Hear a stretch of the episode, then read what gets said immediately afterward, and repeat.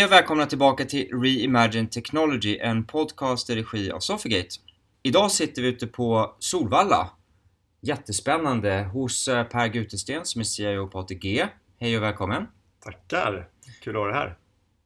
Och med mig idag som parhäst, haha, har jag Anna Wilsby. Välkommen Hej. tillbaka till podden. Tack så mycket. Härligt. Så Per, jag tänkte att eh, för våra lyssnares skull kanske dra lite en historia om vem du är och hur du hamnade på ATG. Mm. Ja, eh, Per Gutesten då eh, har väl en början egentligen i, som tekniker, Unix-tekniker. Gick mot klustrade högtillgänglighetssystem efter ett tag. Men till slut, någonstans där runt 2000-talet så insåg jag att okej, det kanske inte är tekniken och kluster som är det viktiga i att få bra tillgänglighet eller prestanda, utan det är hur man jobbar med tekniken.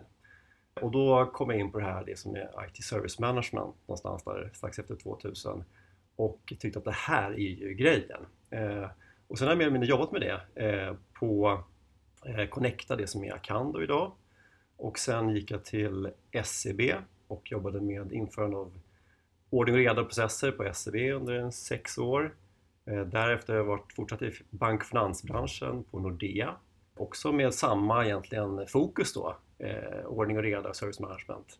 Men sen 2017 så är jag nu på ATG. Och då började jag i maj 2017 som Head of IT Operations. Men fick då eh, frågan från min VD, min chef, i januari, ja, ett år sedan och någon månad, om jag ville ta över då när den, eh, min företrädare slutade. Så sedan eh, januari 2018 så är jag IT-chef här och CEO på ATG. Då tänker jag, vad gjorde du de första 100 dagarna? Hade du en plan eller körde du på som vanligt? I och med att alltså ATG och spelbranschen hade ju ett fantastiskt spännande år 2018 där vi förberedde oss inför den nya omreglerade marknaden. Så att det var ju extremt tydligt vad, vad som skulle uppnås. Det var ju att leverera nya, som vi kallar spelområden då, kasino och sportspel. Så någonting helt nytt för ATG. ATG har ju, har ju varit hästspelsbolaget sedan 1974. Och eh, vi hade en tight deadline, nyårsafton skulle allting fungera. Så det var mycket fokus på att få de här väldigt stora eh, programmen och initiativen att, att gå i land helt enkelt.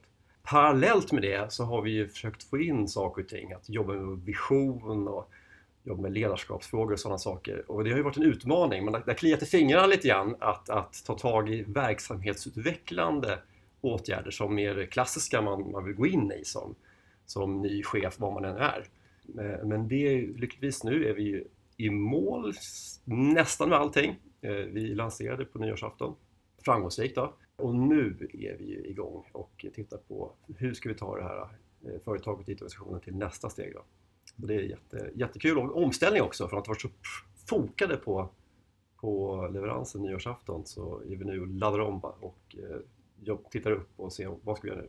Vad skönt och vi kommer säkert komma tillbaka till, till eh, uppladdningen inför Mm. nyårsafton. Men jag tänker i försnacket Mm. så sa du att ni är ett IT-bolag. Ja. Kan du utveckla det? För jag tycker det var väldigt intressant. Ja. ja, men allting vi gör, alla våra tjänster baseras på IT. Precis lika mycket som, eh, jag kommer från bank och det är väldigt likt egentligen ur ett IT-perspektiv. Alla tjänster vi gör, allting görs på IT. Vi är digitaliserade.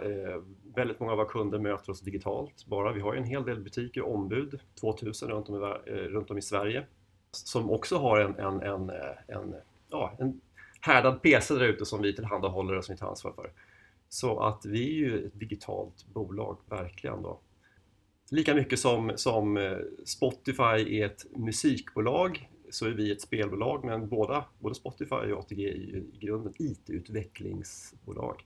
Allting vi gör måste gå genom våra IT-kanaler i princip.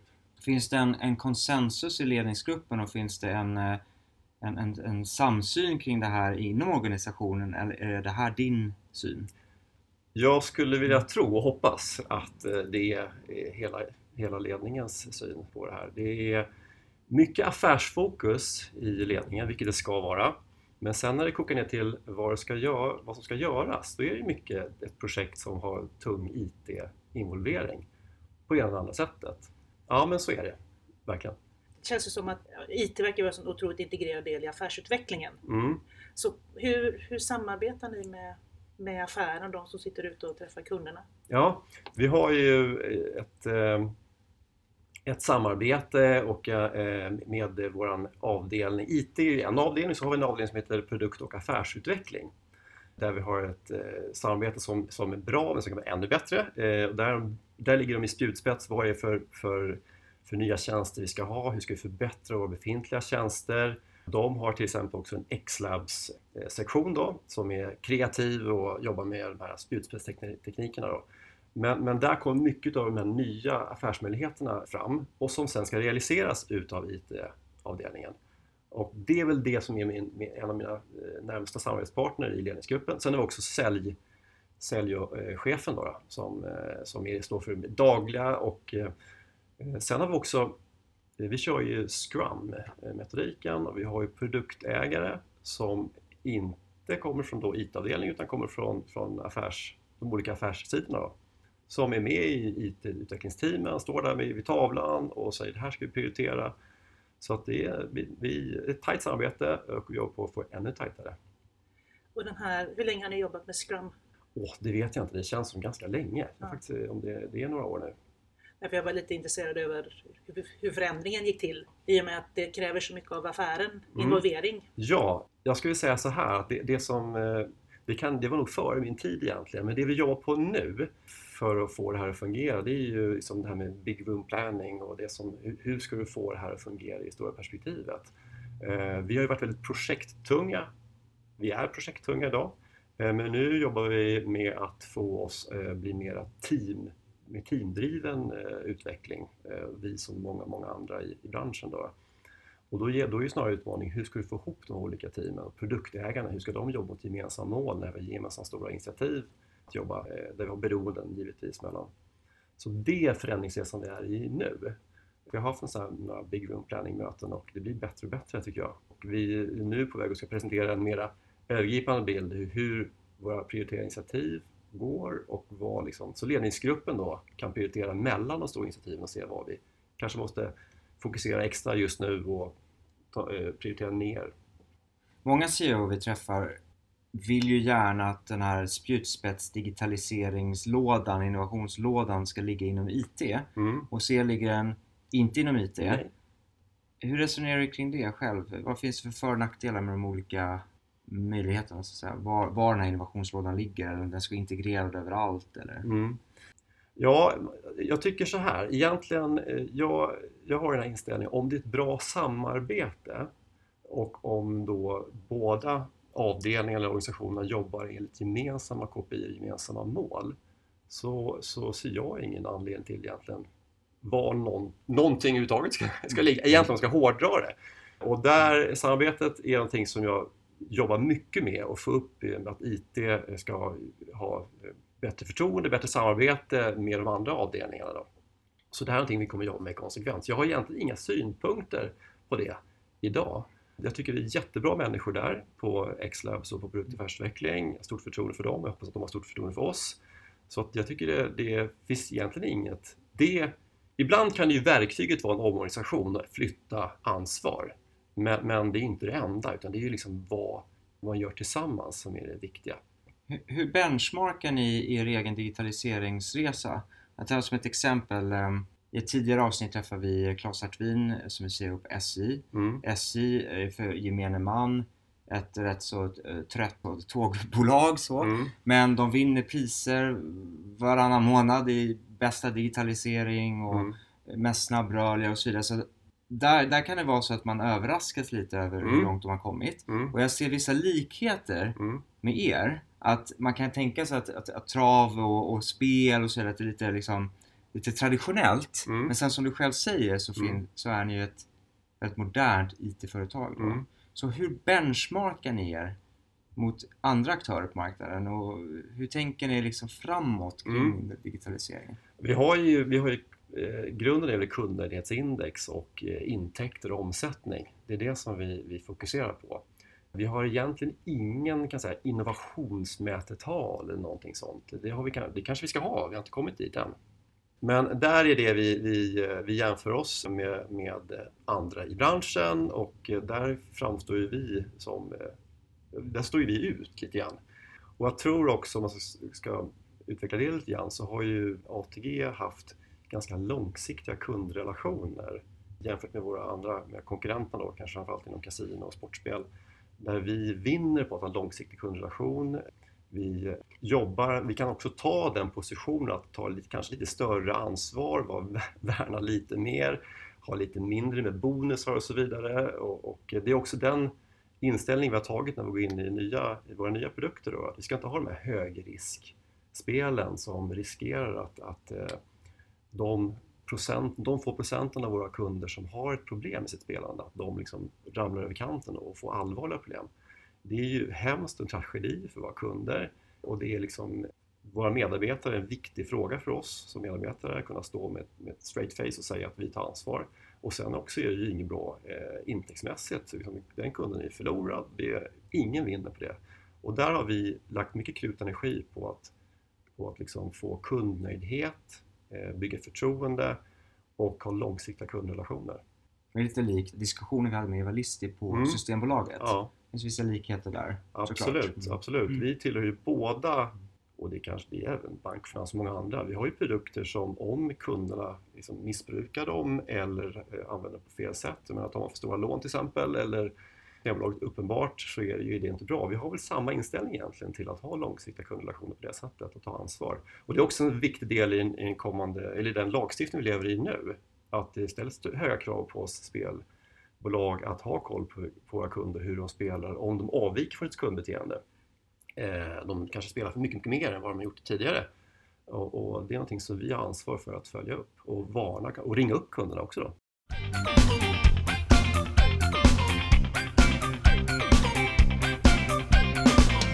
Om man tar och tittar inåt lite mot era talanger och de som jobbar inom IT här på, på ATG.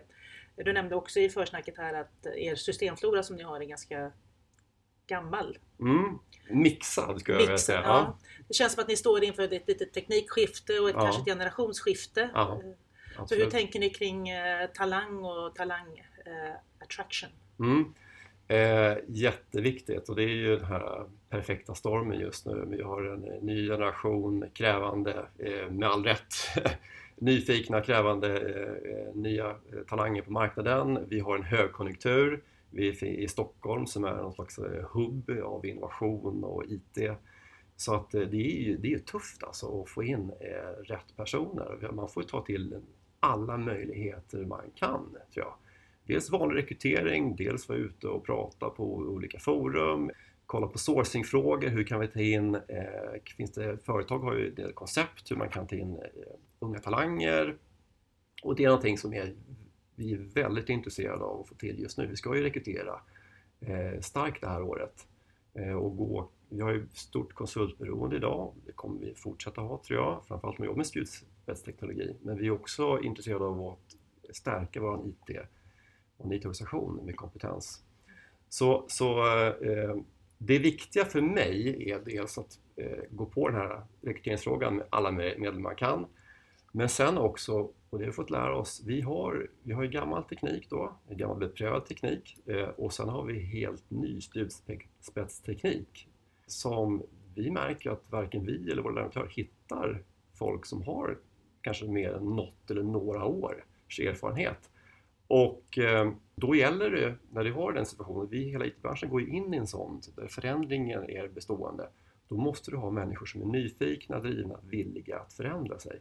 Och det spelar ingen roll om man är gammal eller om man är ung egentligen. Det, det kan ju, det, ålder egentligen spelar ingen roll. Utan, eh, utan det är det här drivet, viljan och eh, nyfikenheten som, som är det viktiga. Det är de människorna som vi är ute efter. Det slår kompetens och erfarenhet alla gånger. Och varför ska de börja på ATG då? Alltså jag tycker det är, vi är ju, om man gillar IT och IT-utmaningar så är det här det är helt rätt bransch. Det är en bransch som ligger i längst fram. Eh, det är stark konkurrens. Vi är eh, väldigt, väldigt stort fokus på IT-frågor. Vi, eh, en, en lördag till exempel så kan man om man tittar in där så kan man se att omsättningen är ungefär 80, 90 kanske 100 miljoner om det är en vanlig lördag. Vi har vi börjar på noll kronor varje morgon Där kanske vi skiljer oss till exempel från Spotify eller bank där, där, där eh, man har ett, ett, ett, inflöde. Vi måste vara igång varje minut, varje sekund, annars syns det direkt i, i vår intäktsström. Med det sagt så blir IT väldigt affärskritiskt och vi är inne just nu i en jättespännande transformation där ATG som företag har helt nya spelområden. Vi eh, har ett väldigt starkt erbjudande inom hästspel som vi liksom är vår bas. Och sen så måste vi då transformera hela vår IT-organisation och hela vår IT-miljö egentligen till det här nya. Så det händer väldigt mycket spännande saker tekniskt, organisatoriskt och branschmässigt och med företaget. Så det rör sig, det är som Galileo, allt snurrar. Liksom. Det rör sig väldigt mycket på alla fronter och väldigt positivt. Ja, så att, eh, ja, jag har väldigt roligt och jag tror många har väldigt roligt här. Och vi har väldigt bra medarbetarundersökningsresultat också. Det går uppåt, en uppåt-trend som är jättekul att se. Spännande pitch för er som lyssnar då, så är det bara dags att söka upp ATG gissar jag. Absolut. Hur um, många är ni i din organisation? Vi är ungefär, uh, ATG som helhet är ungefär 340-350 ungefär uh, och IT då är 130 anställda. Uh, men vi har ett kanske 70-80-tal FTC, alltså konsulter som är här lite fulltid eller deltid. Så vi är ungefär 200 på IT, eh, roughly, och det är ungefär halva eh, ATG då, styrkan. Och vi växer, vi ska ju rekrytera ganska, ganska aggressivt det här året. Då. Så den här rekryteringsfrågan är absolut i fokus. Vad utmärker dig som eh, ledare och chef? Ja, fråga min omgivning. Men, men jag tror så här, eh, Hasse då när, när han eh, anställer mig så, så motiverar han det så att Per har en förmåga att, att få människor att växa. Och det är väl någonting som, som jag hoppas att jag har. Ehm, jag är i grunden, litar väldigt mycket på mina medarbetare och mina människor, min, min omgivning. Jag ger väldigt mycket ansvar. Eh, och eh, sen har jag lärt mig då att, att få kontrollera och kolla att folk har förstått att vi liksom är på samma våglängd och så vidare. Men, men det är min grundinställning att, eh, att jag har en stark tillit. Sen har jag lärt mig efter snart 23 år i den här branschen och eh, i olika sammanhang och man möter säljare och annat att okej, okay, måste kolla lite grann här. Och det, men, men det är min grundinställning, att, att ge mycket ansvar, tillit, skapa förutsättningar och möjligheter. Och det, det, jobbar, det kräver ju också av mig då att jag inte är den här detaljstyrande personen, att jag må, behöver ha rätt folk runt omkring mig. Och det jobbar jag väldigt mycket med, att, att dels attrahera och rekrytera rätt personal och sen också få dem i närmaste ledningsgrupp att, att växa som ledare. Riktig coaching, feedback, eh, de bitarna. Så att jag, ja men det är, det är nog jag. Visa riktningen och ge mycket, mycket stöd och coaching och eh, visa vägen. Och sen får mina duktiga medarbetare komma med förslag. Och få också verka för att vi har en öppenhet och transparens både i ledningsgruppen och på företaget själv. Det är någonting, jag, jag är mycket öppen, väldigt ärlig och verkar för transparens. Eh, jag tror att det är rätt väg. Det låter som ett eh, modernt ledarskap helt enkelt. Tänker på hur um, utvecklas du själv då? Alltså vad hittar du själv din inspiration? Vem coachar dig? Jag får eh, dels, dels mina närmaste medarbetare, min, min ledningsgrupp och sen så har jag en väldigt bra chef som är väldigt bra. Och sen också, vi är inne på det med mina eh, kollegor i ledningsgruppen, då, säljchef och andra där som, som, som är inspirerande och, och bra bollplank. Utmanande och inspirerande. Det tycker jag det, det är, är, är kul. Och sen så hittar man ju inspiration bara genom att ut och springa i skogen eller vad det är. Få lite. Det är ett väldigt roligt jobb att vara CIO. Det är det verkligen. Så att, eh, eh, det gäller att foka på rätt saker och lägga energi på rätt saker. Det är, inspirationen finns där tror jag. Och sen också nätverk och prata med andra i samma roll. Och vad har ju gått för dem och utbyta tankar i det. det också, och se vad som har lyckats och vad som inte har lyckats. Det, det är kul tycker jag. Hur gör du det? Var är dina nätverk där? Är det informellt, formellt eller? Ja, det är lite både och mm. tycker jag. Nu har jag varit i den här grottan, i leveransmaskinen och levererat fullt öst och jobbat väldigt långa arbetsdagar för, för mig och för många andra i IT-avdelningen och hela, hela ATG. Men nu är det lite morgonluft här ute och, och är på konferenser och nätverk i den mån jag kan. Så det är lite både och faktiskt. Jo, du berättade lite grann initialt här om din bakgrund, att du kommer har jobbat mycket inom service management och mm. operations. Och det kanske inte är den traditionella vägen till att gå in i CIO-rollen att komma från den delen. Så Hur har det varit och vad har du tagit med dig från eh, just operationsdelen in i CRO-rollen?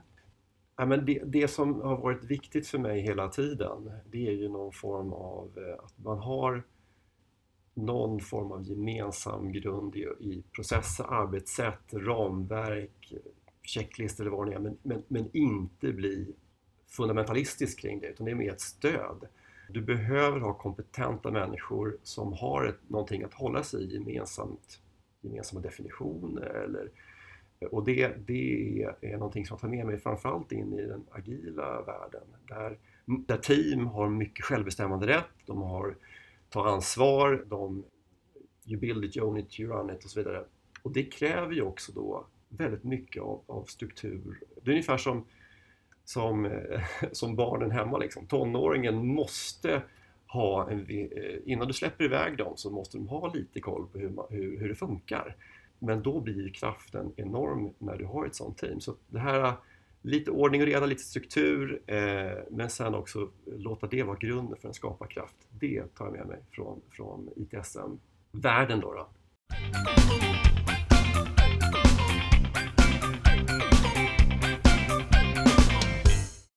Lite nyfiken på att höra här, eh, grottan. Jag gissar att det var leveransgrottan och förberedelse inför eh, kanske spelbranschens eh, year 2000. Ja. Lite så.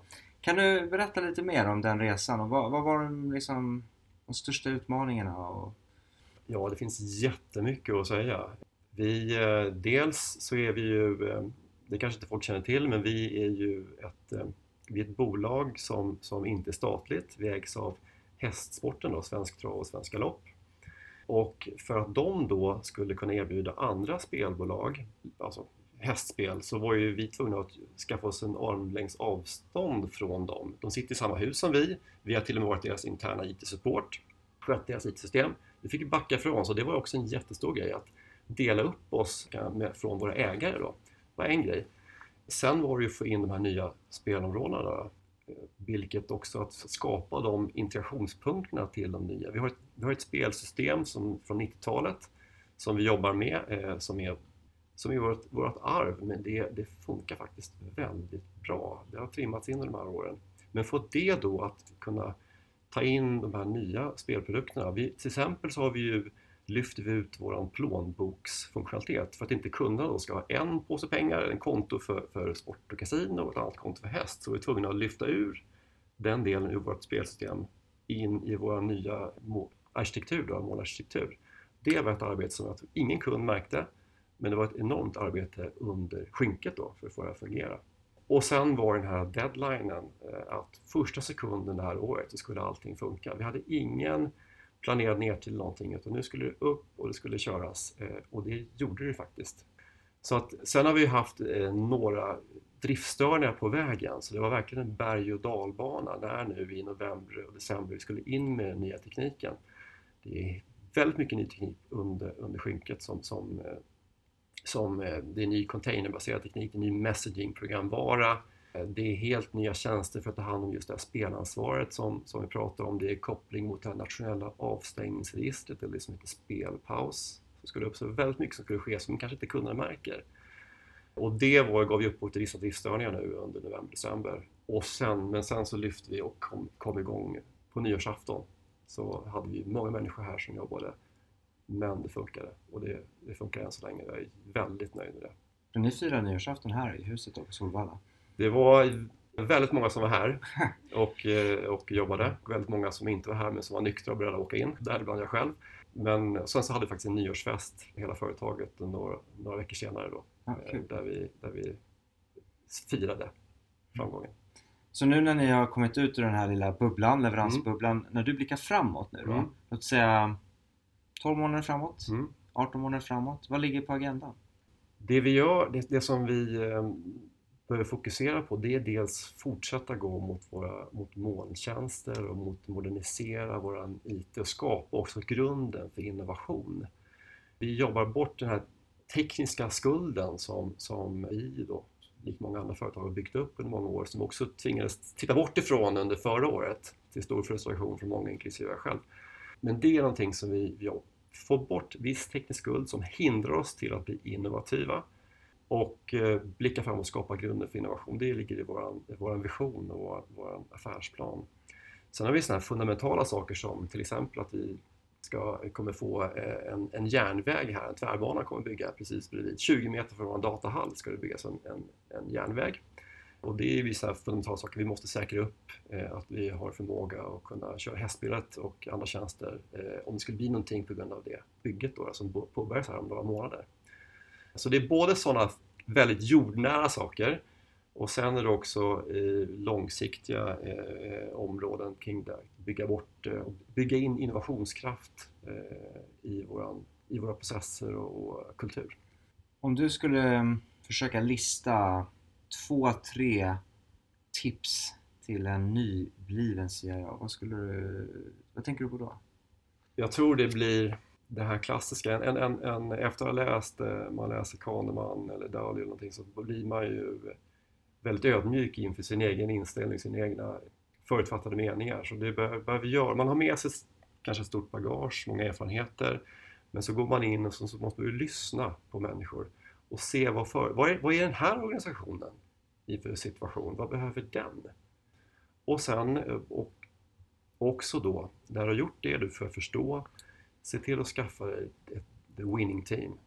Eh, det är där det börjar. Och jag är likt jag många andra är, är beroende av att ha de absolut, alltså ett väldigt bra team runt omkring som kan, som kan göra jobbet. Utan det så är man ju körd. För det är ju, det är ju även om du kan vara liksom, agera själv och jobba mycket själv som IT-chef så, så behöver du ha ett lag runt omkring dig och det måste man skaffa sig. Jag har lite eh, en följdfråga på när du nämner Dalio. Mm. Jobbar du själv med idémeritokrati och liksom, är du väldigt datadriven i, i liksom beslutsfattandet? Eller hur, Alltså jag tycker jag... Nu blir jag ju subjektiv, men jag tycker, jag tycker att jag alltid har varit... Jag, har varit, jag var konsult väldigt länge. Jag har varit konsult längre än jag har varit i, i linjen. Och där blir det ju väldigt, du går in, du gör en analys, eh, Excelen eller det får, det får, KPIerna eller mättalen får, får, får, får tala och sen så gör du en analys på grund av det och sen så presenterar du det. Och jag tror ju väldigt mycket på transparens och jag försöker verkligen jobba för företagets bästa. Men om jag kan rationalisera bort mig själv så tycker jag liksom det, det är jättebra.